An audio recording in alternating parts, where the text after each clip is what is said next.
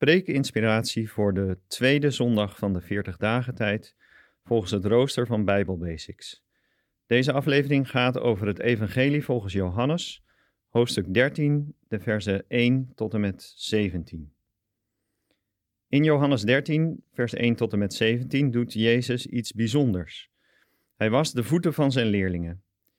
Dat doet hij juist op het punt waar het tweede hoofdgedeelte van dit evangelie begint. In het deel hiervoor heeft Jezus aan de hand van zes tekenen laten zien wie hij is: het leven en licht voor de wereld. Zoals Johannes dat in zijn bekende proloog over het woord dat mens geworden is al heeft aangegeven. Dit eerste deel wordt daarom ook wel het boek van de tekenen genoemd. Tegelijk groeit in dit deel het verzet tegen Jezus, zelfs zo dat aan het einde van dit deel het besluit valt om Jezus te doden. In onze passage begint dus het tweede hoofdgedeelte, dat wel het boek van de verheerlijking wordt genoemd. Verheerlijking of verhoging heeft een speciale betekenis in dit evangelie. Johannes gebruikt het voor Jezus' kruisdood, die tegelijkertijd zijn overwinning op de dood betekent. Deze omkering gaat in tegen alles wat mensen associeerden met de kruisdood. Die kruisdood gold namelijk als een vernederende dood, bedoeld voor misdadige slaven en opstandelingen. Maar Johannes benadrukt wat voor de wereld geldt als een ultieme vernedering, is voor God en Jezus juist de ultieme triomf. Zo vallen in het Evangelie volgens Johannes de betekenis van kruisdood en opstanding in wezen samen. Die omkering gaat in tegen alle menselijke verwachtingen. Een groot deel van het tweede hoofdgedeelte van dit evangelie gaat over hoe Jezus dit alles aan zijn leerlingen uitlegt. Maar als opmaat van die uitleg in woorden laat hij het eerst in daden zien, door de voetwassing. Laten we dus naar die voetwassing gaan kijken. Tegelijkertijd zijn er natuurlijk nog meer bijzonderheden en invalshoeken bij deze passage. Op de Bijbel.nl vind je hier meer over. Wat betekent de voetwassing? Het wassen van de voeten zelf zal de oorspronkelijke lezers van het Evangelie niet verbaasd hebben. Ook als je vandaag de dag op slippers of sandalen over stoffige wegen loopt, worden je voeten vies. Als teken van gastvrijheid kreeg je in Jezus' tijd daarom water aangeboden om voor de maaltijd je voeten te wassen. Of, als je slaven had, in Jezus' tijd nog een normaal fenomeen, dan liet je een slaaf de voeten van de gasten wassen. Het zou de gasten echter verbijsterd hebben wanneer de gastheer zelf de voeten zou gaan wassen. Petrus' verbijstering over wat Jezus doet is zo gezien goed te begrijpen. In de passage legt Jezus aan zijn leerlingen uit waarom hij dit gedaan heeft. Hij geeft hun een voorbeeld. Hij laat zien dat heersen wat God betreft betekent dat je bereid bent je medemens te dienen. Ook in de andere evangeliën wordt dat benadrukt. Bijvoorbeeld in Marcus 11, vers 42 tot en met 45. Daar vertelt Jezus eerst hoe het er gewoonlijk aan toe gaat wat heersen betreft.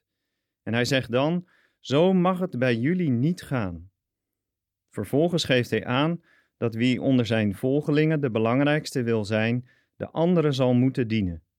Zoals ook de mensenzoon niet gekomen is om gediend te worden, maar om te dienen en zijn leven te geven als losgeld voor velen.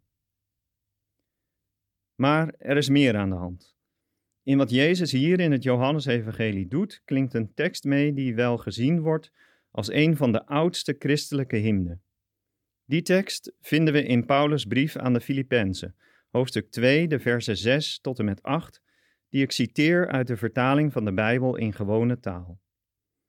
Jezus was aan God gelijk, maar hij vroeg niet om de hoogste macht en eer voor zichzelf. Nee, hij gaf zijn hemelse positie op.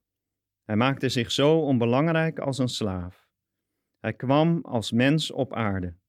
En toen hij leefde als mens, dacht hij nooit aan zichzelf. Hij was altijd gehoorzaam aan God, zelfs toen hij aan het kruis moest. Jezus stelt door de voeten van zijn leerlingen te wassen niet alleen een voorbeeld. Dat Jezus zijn leerlingen dient als een slaaf, vormt ook een voorafspiegeling van wat er later zal gebeuren op Golgotha. Jezus' liefde voor mensen gaat zo ver dat hij voor hen wil sterven. Petrus is dus verbijsterd over dit alles. Ook de verbijstering over Jezus als een in gewone mensenogen mislukte, want vernederend gestorven Messias klinkt mee. Kunnen wij die verbijstering nog meemaken? Slavernij is voor de meeste van ons geen alledaags fenomeen meer, en gelukkig maar. En, al helemaal gelukkig, ook de kruisdood passen we niet meer toe. We weten al hoe het verhaal afloopt. En misschien ligt hier juist een uitdaging voor jou als voorganger. Hoe maak je het vreemde van de omkering waar Jezus voor staat ook vandaag invoelbaar? Wellicht door te laten komen in de dienst omdat je nog even de wc's hebt schoongemaakt. Een opvallend detail waar ik nog kort bij stil wil staan, is hoe precies Johannes tekent wat Jezus doet. Iedere handeling wordt benoemd. Dat Jezus opstaat, dat hij zich uit en omkleedt, dat hij water in een waskom doet. Zo onderstreept Johannes, Jezus is Heer en Meester van de situatie.